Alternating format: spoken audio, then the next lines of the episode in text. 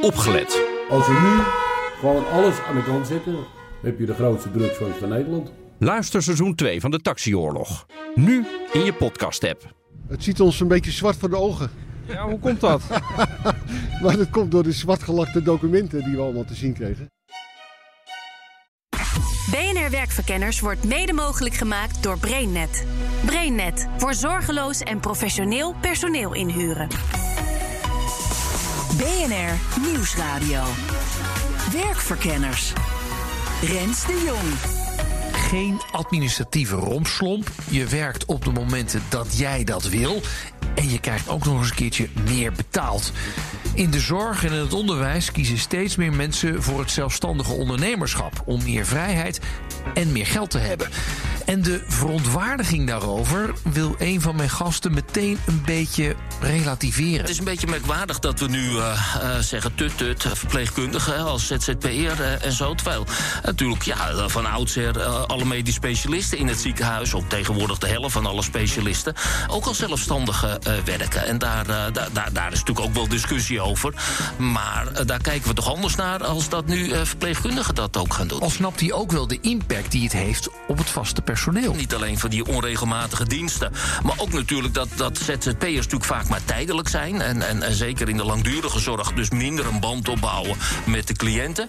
ZZP'ers ook uh, soms uh, toch minder uh, van de administratieve lasten voor hun rekening nemen. Nou, al die dingen komen dan op die kleinere groep van verpleegkundigen in loondienst terecht... die daardoor toch weer zwaarder belast worden. Een andere gast heeft de laatste tijd een draai gemaakt. Jaren geleden was ze zo enthousiast over ZZP'ers... dat ze min of meer haar werk maakte van het aanprijzen van die ZZP'ers. Omdat ze dus gemotiveerder zijn, omdat ze ook kennis delen tussen verschillende organisaties. Ik dacht, ja, dat is eigenlijk echt iets wat je ook als, als overheid moet stimuleren, want je stimuleert ondernemerschap. Kom maar, maar. Maar, maar, maar ja. Inmiddels een aantal jaren verder zie ik ook wel dat er echt wel grote ja, nadelen ook aan het ZZP'erschap zijn, ook voor de, voor de samenleving. En meteen maar een voorbeeld daarvan. Het is ook echt veel duurder. Hè? Ja. Het is veel duurder voor een schoolleiding uh, om uh, met ZZP'ers te werken. Dus het is ook, en dat zeggen ze ook allemaal, het is een noodgreep dat ze dit doen. Het is niet vanuit de wens dat ze nou het liefst met alleen maar met ZZP'ers zouden werken. Of het tot ophef leidt of niet, het maakt mijn laatste gast niet uit. Ze is zo overtuigd ZZP'er dat ze de kritiek voor lief neemt. Van een vaste baan in het onderwijs kreeg ze namelijk veel te benauwd. Dat ik weet dat ik uh, over tien jaar uh, precies weet wanneer ik uh, zomervakantie heb of überhaupt vakantie heb, dat beknelde mij. Ik miste flexibiliteit in het onderwijs. Maar ook als ZZP'er gaat ze vol voor het onderwijs. En dat moet moderner. Als ik langs een kantoorpand loop, dan denk ik: wow, wat een inspirerende omgeving. En ik loop langs een basisschool, of daar kom ik, en de stoeltjes en tafeltjes vallen bijna uit elkaar. Ik denk ja, dit is wel onze toekomst. Mhm. Het, is bijna, het lijkt bijna alsof we dat niet belangrijk vinden. Werkverkenners. Aan de ene kant hoor je schrikbarende verhalen over schijnzelfstandigheid. Er zou een wettelijk vastgesteld minimumuurtarief moeten komen om al die lage vergoedingen voor ZZP'ers te voorkomen. Maar dan heb je ook de andere kant, namelijk krapte sectoren. Daar is zo'n nijpend tekort aan personeel dat mensen juist voor het zelfstandig ondernemerschap kiezen om de arbeidsvoorwaarden flink te verbeteren. Neem bijvoorbeeld de zorg. Ik ben Wim Groot en ik ben uh, verbonden aan de Universiteit Maastricht... waar ik een uh, leerstoel gezondheidseconomie heb. Waarom willen mensen in de zorg als ZZP'er werken? Nou, ik denk, uh, daar zijn verschillende redenen voor. Je, je, moet niet vergeten dat er heel veel ZZP'ers in de zorg zijn. Dat begint al bij de medisch specialisten... waarvan de helft als ZZP'er werkt. Maar ook daarbuiten, bijna alle huisartsen zijn, zijn zelfstandig ondernemer. Een belangrijk deel van de van de psychologen, de klinische psychologen, de fysiotherapeuten, bijna alle tandartsen. Uh, nou ja, noem maar op. Er zijn natuurlijk ja, ja. heel veel ZZP'ers. En de laatste tijd, en, en daar is natuurlijk uh, de, de, discussie over, zie je ook dat verpleegkundigen zich als ZZP'er aanbieden op de, op de arbeidsmarkt. Bij die verpleegkundigen geldt vooral dat ja, er is een krapte aan verpleegkundigen, er is een tekort aan verpleegkundigen. Daarmee hebben die verpleegkundigen natuurlijk een sterke arbeidsmarktpositie. Uh, ja, en die buiten ze uit door zich als ZZP'er uh, te verhuren aan, ja. aan ziekenhuizen. Wat is belangrijker dat ze dat doen? Is dat vanwege geld? Want, want een ZZP'er krijgt denk ik significant meer betaald. Of is het vanwege ook andere dingen? Ja, nou, geld is een belangrijke reden natuurlijk. Hè, want je bent niet gebonden aan de CEO's, hè, de CEO voor verpleegkundigen. En hè, dat leeft natuurlijk toch onder de verpleegkundigen en breder in zorgpersoneel het, het gevoel dat ze onderbetaald worden. Nou, dan is ZZP'er natuurlijk toch wel een mogelijkheid om je inkomen te vergroten. Maar ik denk dat zeker zo belangrijk is, is dat je veel meer zeggenschap hebt over je werktijden. Mm verpleegkundigen die moeten avond, nacht en weekenddiensten uh, uh, draaien. Dat is, uh, dat is niet prettig. En zeker op latere leeftijd of als je kinderen hebt, is dat natuurlijk toch, kan dat heel vervelend zijn. Nou, als ZZP'er heb je natuurlijk zelf de zeggenschap over wanneer je werkt. En je ziet dat veel ZZP'ers zeggen, ja, ik wil best komen werken, maar alleen tussen 9 en 5 op, op Niet die al die vervelende diensten draaien. En zijn dan inderdaad die arbeidsomstandigheden, bijvoorbeeld in de zorg, maar misschien kun je ook iets zeggen over het onderwijs. Is dat echt zo slecht als je het vergelijkt? Of, of ja, zien we gewoon vooral een mogelijkheid dat je er meer mee kunt verdienen? Nou, daar kan je op twee manieren naar kijken. Als je gewoon kijkt naar uh, een HBO-verpleegkundige, uh, die verdient niet, veel, niet minder dan gemiddeld voor, voor iemand met een HBO-opleiding. Dus op zich is dat, en dat geldt ook voor onderwijzers, zeker voor beginnenden. Bij, bij, in het onderwijs zien we wel dat, dat mensen snel hun, hun uh, maximum salaris bereiken. maar dat wordt niet bijzonder slecht uh, beloond. Mm -hmm. Aan de andere kant, uh, er is natuurlijk een tekort. Uh, er is een tekort aan leraren. er is een tekort aan, tekort aan verpleegkundigen. En, en, ja, als je dan de markt de, zijn werk laat doen... dan betekent dat dat, dat de prijzen omhoog gaan, dat de, de salarissen omhoog gaan... om het werk ook aantrekkelijker te maken voor mensen... om voor een verpleegkunde of, of lerarenopleiding te kiezen. Want naast de zorg is inderdaad het onderwijs... ook een duidelijk voorbeeld van een sector met personeelskrapte. Ik ben Danielle van Rijn en ik ik ben al zo'n elf jaar inmiddels werkzaam in het onderwijs. En uh, momenteel ben ik dus als ZZP'er uh, werkzaam in het onderwijs. Hoe lang ben je al ZZP'er? Nu anderhalf jaar. Oké. Okay. En wat was de reden dat je ZZP'er werd? Nou, het onderwijs ging mij beknellen. En nadat ik een burn-out heb gekregen, uh, ja, vond ik andere dingen belangrijker in mijn leven. Zoals dus flexibiliteit en vrijheid. Mm -hmm. Om wat te doen? Uh, om te reizen bijvoorbeeld. Ik heb nu bijvoorbeeld in de zomervakantie gewerkt. Heb ik een zomerschool gedraaid. En ik heb vakantie gehouden in september. Zodat ik, uh, nou, nu corona, maar het plan was om op vakantie te gaan in een rustige periode. Ja, daar kan ik nu zelf voor kiezen. Ja, en waarom is dat zo belangrijk voor je? Dat is uh, belangrijk voor mij, omdat ik, uh, ja, naast dat ik werkzaam ben in het onderwijs, uh, met mijn vriend een onderneming ben gestart in het buitenland. Mm -hmm. Uh, dus die vrijheid was daardoor voor mij gewoon heel erg belangrijk geworden. Ja, naast vrijheid uh, was ook salaris uh, speelde natuurlijk zeker een rol. En ik vond het onderwijs niet meer uitdagend genoeg. Iedere dag, ja, er kwam een soort sleur in. Aan het begin van het jaar is het nog heel erg leuk. Heb je een nieuwe klas en dan heb je nieuwe energie en dan is het uitdagend. Ja, en dan komt Sinterklaas weer. En dan ga je weer de knutseltjes maken die je altijd uh, maakte. Ja, maar is dat nu dan anders? Want als ZZP'er, ja, Sinterklaas komt weer. Nou ja, dit jaar een beetje anders dan normaal. Maar Sinterklaas blijft komen. Ja, maar ik ben niet meer bezig met de voorbereidingen van het Sinterklaasfeest. Ik kom een dag draaien en dan heb ik ja, zo'n soort draaiboek uh, voor me liggen. En dat ga ik doen. En ik maak van iedere dag een feestje. En de ene dag doe ik groep 1. En is dat Sinterklaasfeest wel helemaal een ding. En de andere dag sta ik in groep 8. Uh, waar het wat minder belangrijk is. Ja, want waar um, word je nu ingezet? Bij hoeveel scholen werk je? Heb je een volle werkweek? Uh, leg me eens uit. Uh, als ik wil, heb ik een volle werkweek. Uh, maar dat wil ik niet altijd. Ja, en ik ben eigenlijk werkzaam op vier scholen. waar ik eigenlijk altijd rouleer. En dat vind ik zelf ook heel prettig. Want daar ken ik inmiddels alle kinderen en alle collega's. En af en toe sporadisch nog wel eens op een, op een onbekende school. Ja, maar meestal als je één keer hebt ingevallen op een school... dan gaan ze je daarna weer vragen. Ja. Dus, uh... Wat is er zo positief aan het feit dat je nu ZZP'er bent... ten opzichte van een vaste leraar? Wat hoef je niet meer te doen? Ja, voor mij, ik vind het heel fijn om de studiedagen niet meer bij te wonen. Uh, die vond ik uh, niet inspirerend op de scholen waar ik heb gewerkt. Ik bepaal nu zelf waar ik uh, mijn trainingen ga doen. En dan kies ik inspirerende en waardevolle trainingen uit. Um, vrijheid. Ik kies zelf wanneer ik werk en wanneer ik op vakantie ga salaris. Ik verdien meer. Uh, Hoeveel meer verdien je ongeveer? Mm, zeker dubbele. Zo. Ongelooflijk zeg. Ja. Ik kan me ook voorstellen dat je minder bezig bent met administratie en dat soort dingen. Zeker. Ja, daar ben ik ook heel erg eh, tevreden over.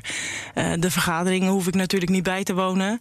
Eh, oude gesprekken ook niet. Al vond ik die wel heel erg leuk om te doen.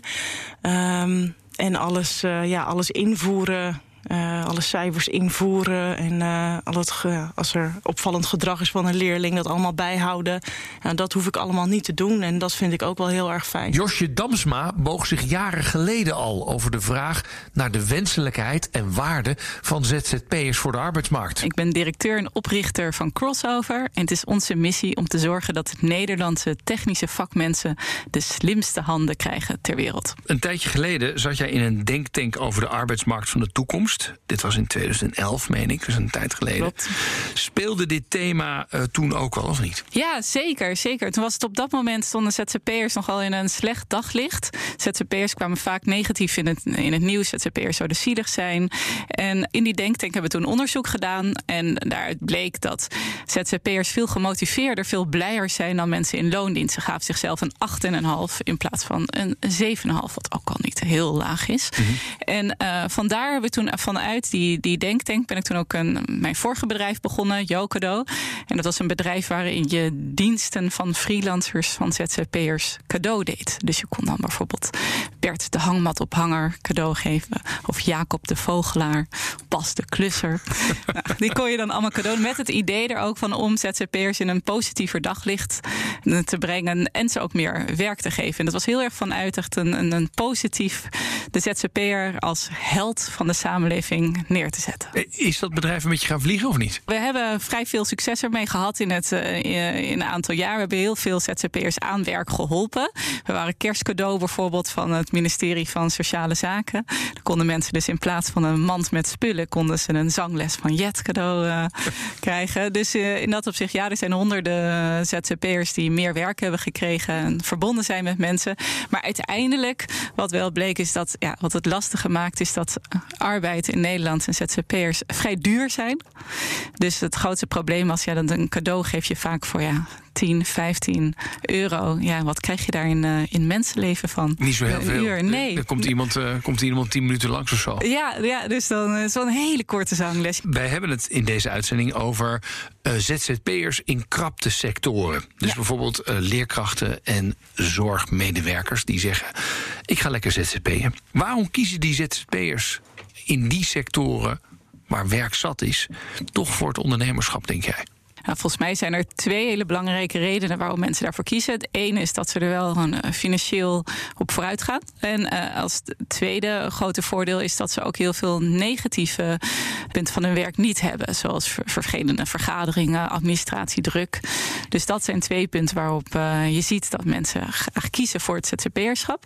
En wat alsnog als derde voordeel ook wel gezien kan worden, is dat je ook op die manier bij meerdere bedrijven tegelijkertijd kan werken. Dus dat zie je ook op scholen. Je kan bijvoorbeeld eh, bij meerdere scholen kijken van hey, pas ik daar, eh, kan ik daar wat aan toevoegen, kan ik daar wat leren.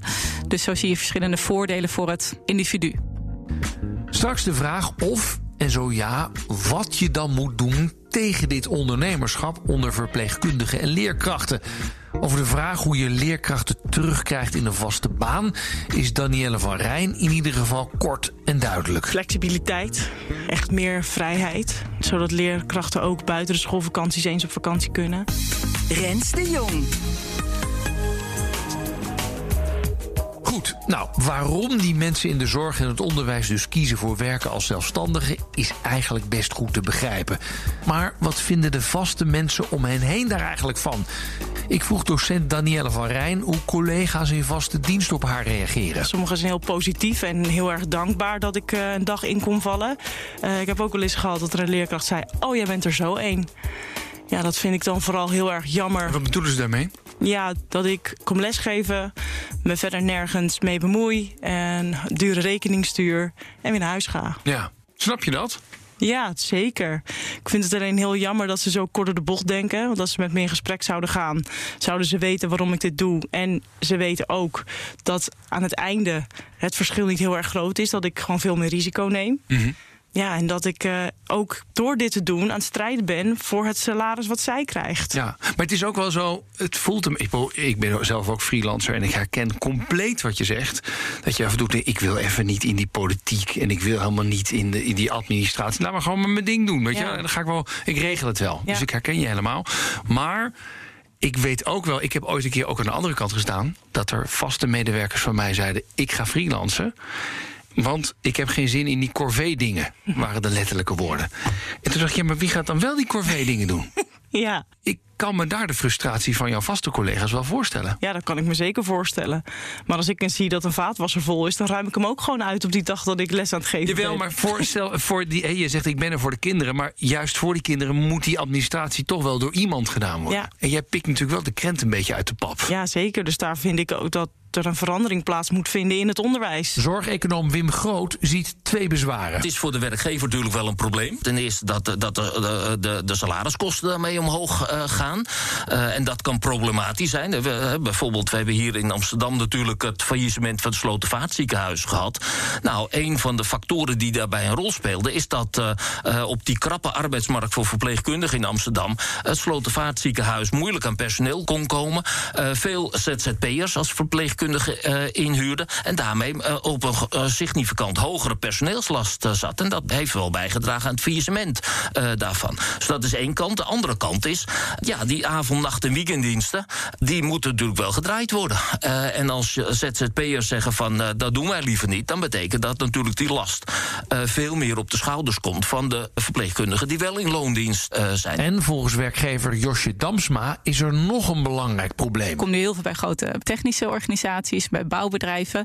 En je ziet daar dat de ehm, ZZP'ers die daar aangetrokken worden, die investeren bijna niks in hun eigen ontwikkeling, bijvoorbeeld. Het is allemaal heel korte termijn. En eh, de werkgever hoeft ook niet te investeren in de ZZP'er. En de ZZP'er investeert helaas ook nauwelijks in zichzelf.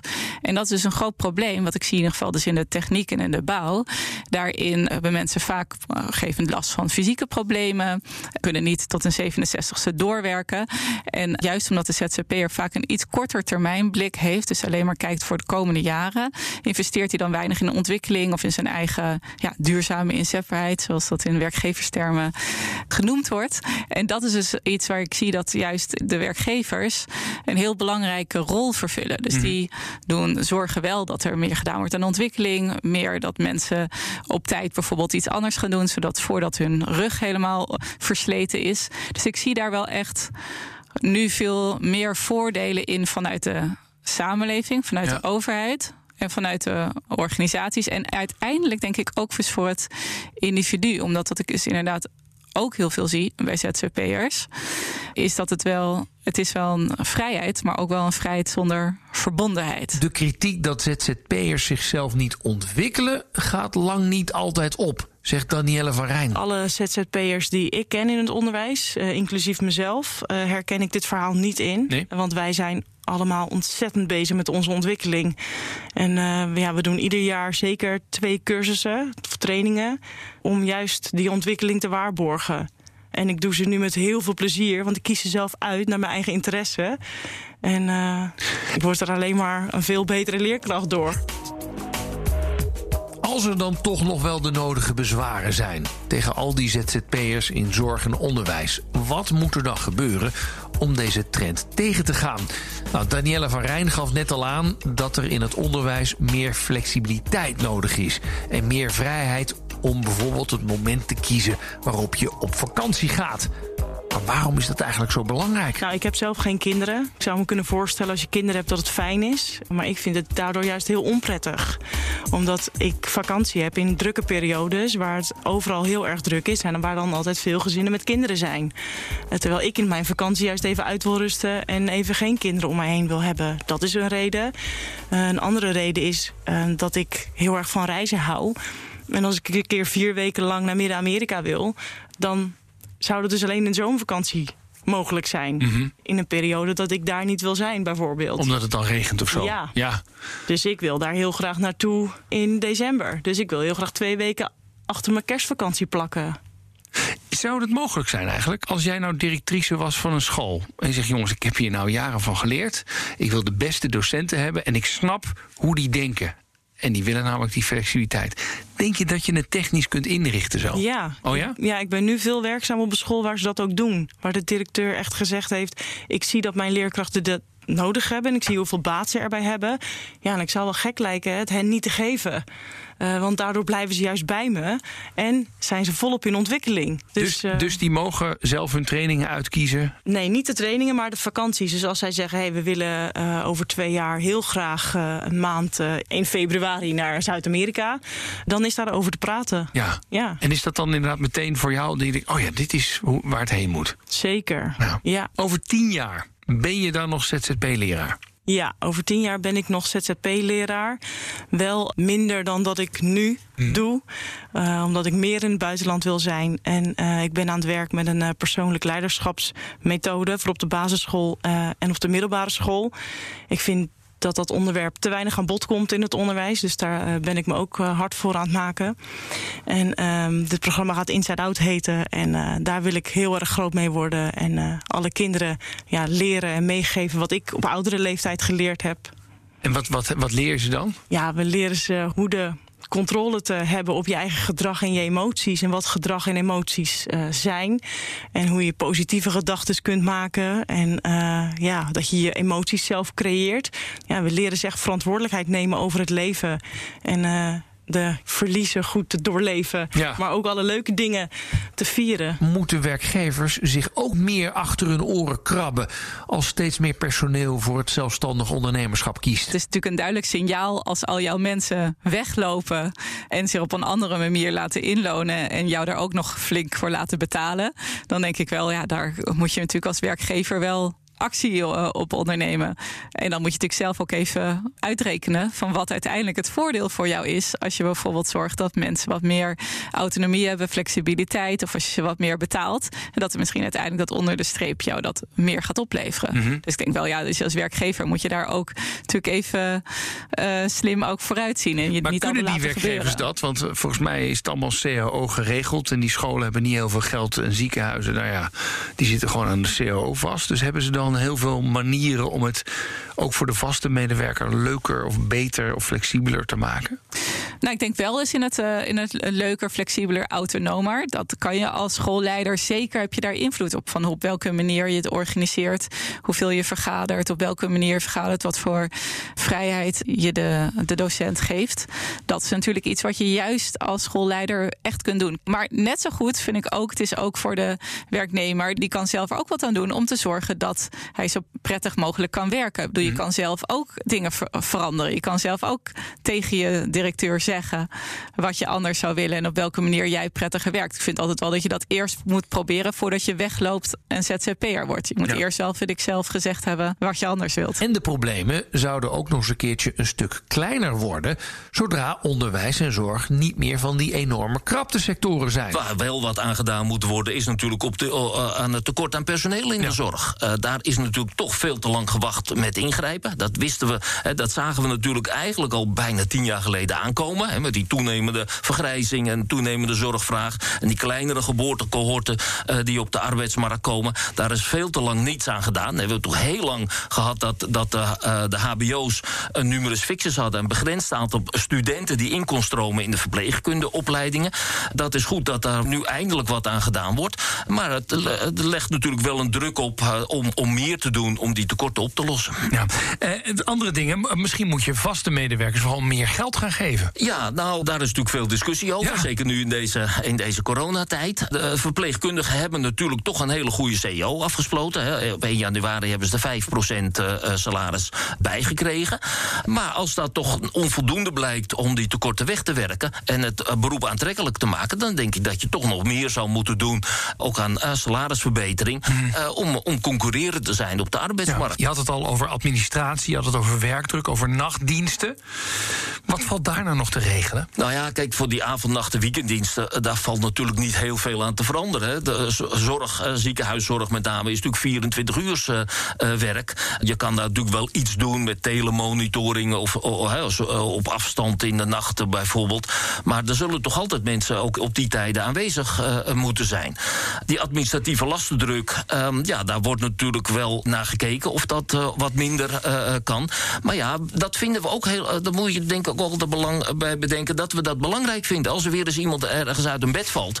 dan vinden we dat er een nieuwe regel moet komen. En dan vinden we dat de inspectie daar toezicht op moet houden. En dat kan alleen als dat allemaal netjes geregistreerd Nee, wordt. dat is zo. Alleen het punt is, mensen raken daar enorm van in de stress. En nu zie je dus dat sommige ZZP'ers zeggen... nou, daar heb je niet zoveel zin meer in. Huur me maar in voor de leuke dingen. En ik snap dat volkomen. Eh, maar dan komt die druk op die mensen die blijven zitten. Ja. En, die, en die raken dan helemaal Ja. overspannen. Nee, dat klopt. Ja, ja. Nou ja, maar dan moet je denk ik toch eens consequent zijn. Dan moet je toch eh, zeggen van... ehm, niet bij elk incident weer allerlei nieuwe regels gaan bedenken... die, die uitgevoerd moeten worden en, en geregistreerd en bijgehouden moeten worden. Dan moet je zeggen, we geven mensen toch de ruimte. We geven ze het vertrouwen. eh, en we doen echt ehm, eh, de, die regelgeving beperken. En ook niet bij elk nieuw incident dan meteen ach en wee roepen... en, en, en wat nieuws, eh, nieuwe regels bedenken. Conclusie van deze uitzending. Als ik het zo hoor, nou ja, dan ben je bijna gekke Henkie... als je niet gaat ZZP'en in zorg en onderwijs. Eh, meer controle over wanneer je werkt. Nauwelijks tot geen corvée-taken. En je krijgt ook nog eens een keertje beter betaald. Wie wil dat nou niet? Nou, het betekent wel een hogere werklast voor het overige vaste personeel. En de ZZP'er is minder verbonden met patiënten of leerlingen en collega's. En de baas is ook nog eens een keertje meer geld kwijt aan salarissen. Dus moet er toch wel iets gebeuren om minder mensen in deze sectoren het zelfstandig ondernemerschap in te jagen. Nou, werkgevers moeten bijvoorbeeld kijken wat ze kunnen doen om het werk aantrekkelijker te maken. En dat is dus meer flexibiliteit, minder werkdruk door bijvoorbeeld administratieve rompslomp uit te besteden en een hoger salaris. Al zullen de mogelijkheden voor het laatste niet eindeloos zijn. Allerbelangrijkste is, zegt Wim Groot, het wegwerken van de personeelstekorten. Maar ja, om mensen nou naar de opleidingen te trekken, zul je toch weer moeten werken aan die vrijheid, minder werkdruk en meer salaris. Dit was Werkverkenners voor deze week. Volgende week dan krijg je weer een verse op dinsdag om half vier. En in je podcast-app kun je hem op ieder moment terugluisteren. Tot de volgende keer. Dag. BNR Werkverkenners wordt mede mogelijk gemaakt door BrainNet. BrainNet voor zorgeloos en professioneel personeel inhuren. Ook Harm Edens vind je in de BNR-app. Je kunt BNR Duurzaam niet alleen live luisteren in de app, maar ook terugluisteren als podcast, zoals al onze podcasts. En naast dat de BNR-app Breaking News meldt, houden we je ook op de hoogte van het laatste zakelijke nieuws. Download nu de gratis BNR-app en blijf scherp.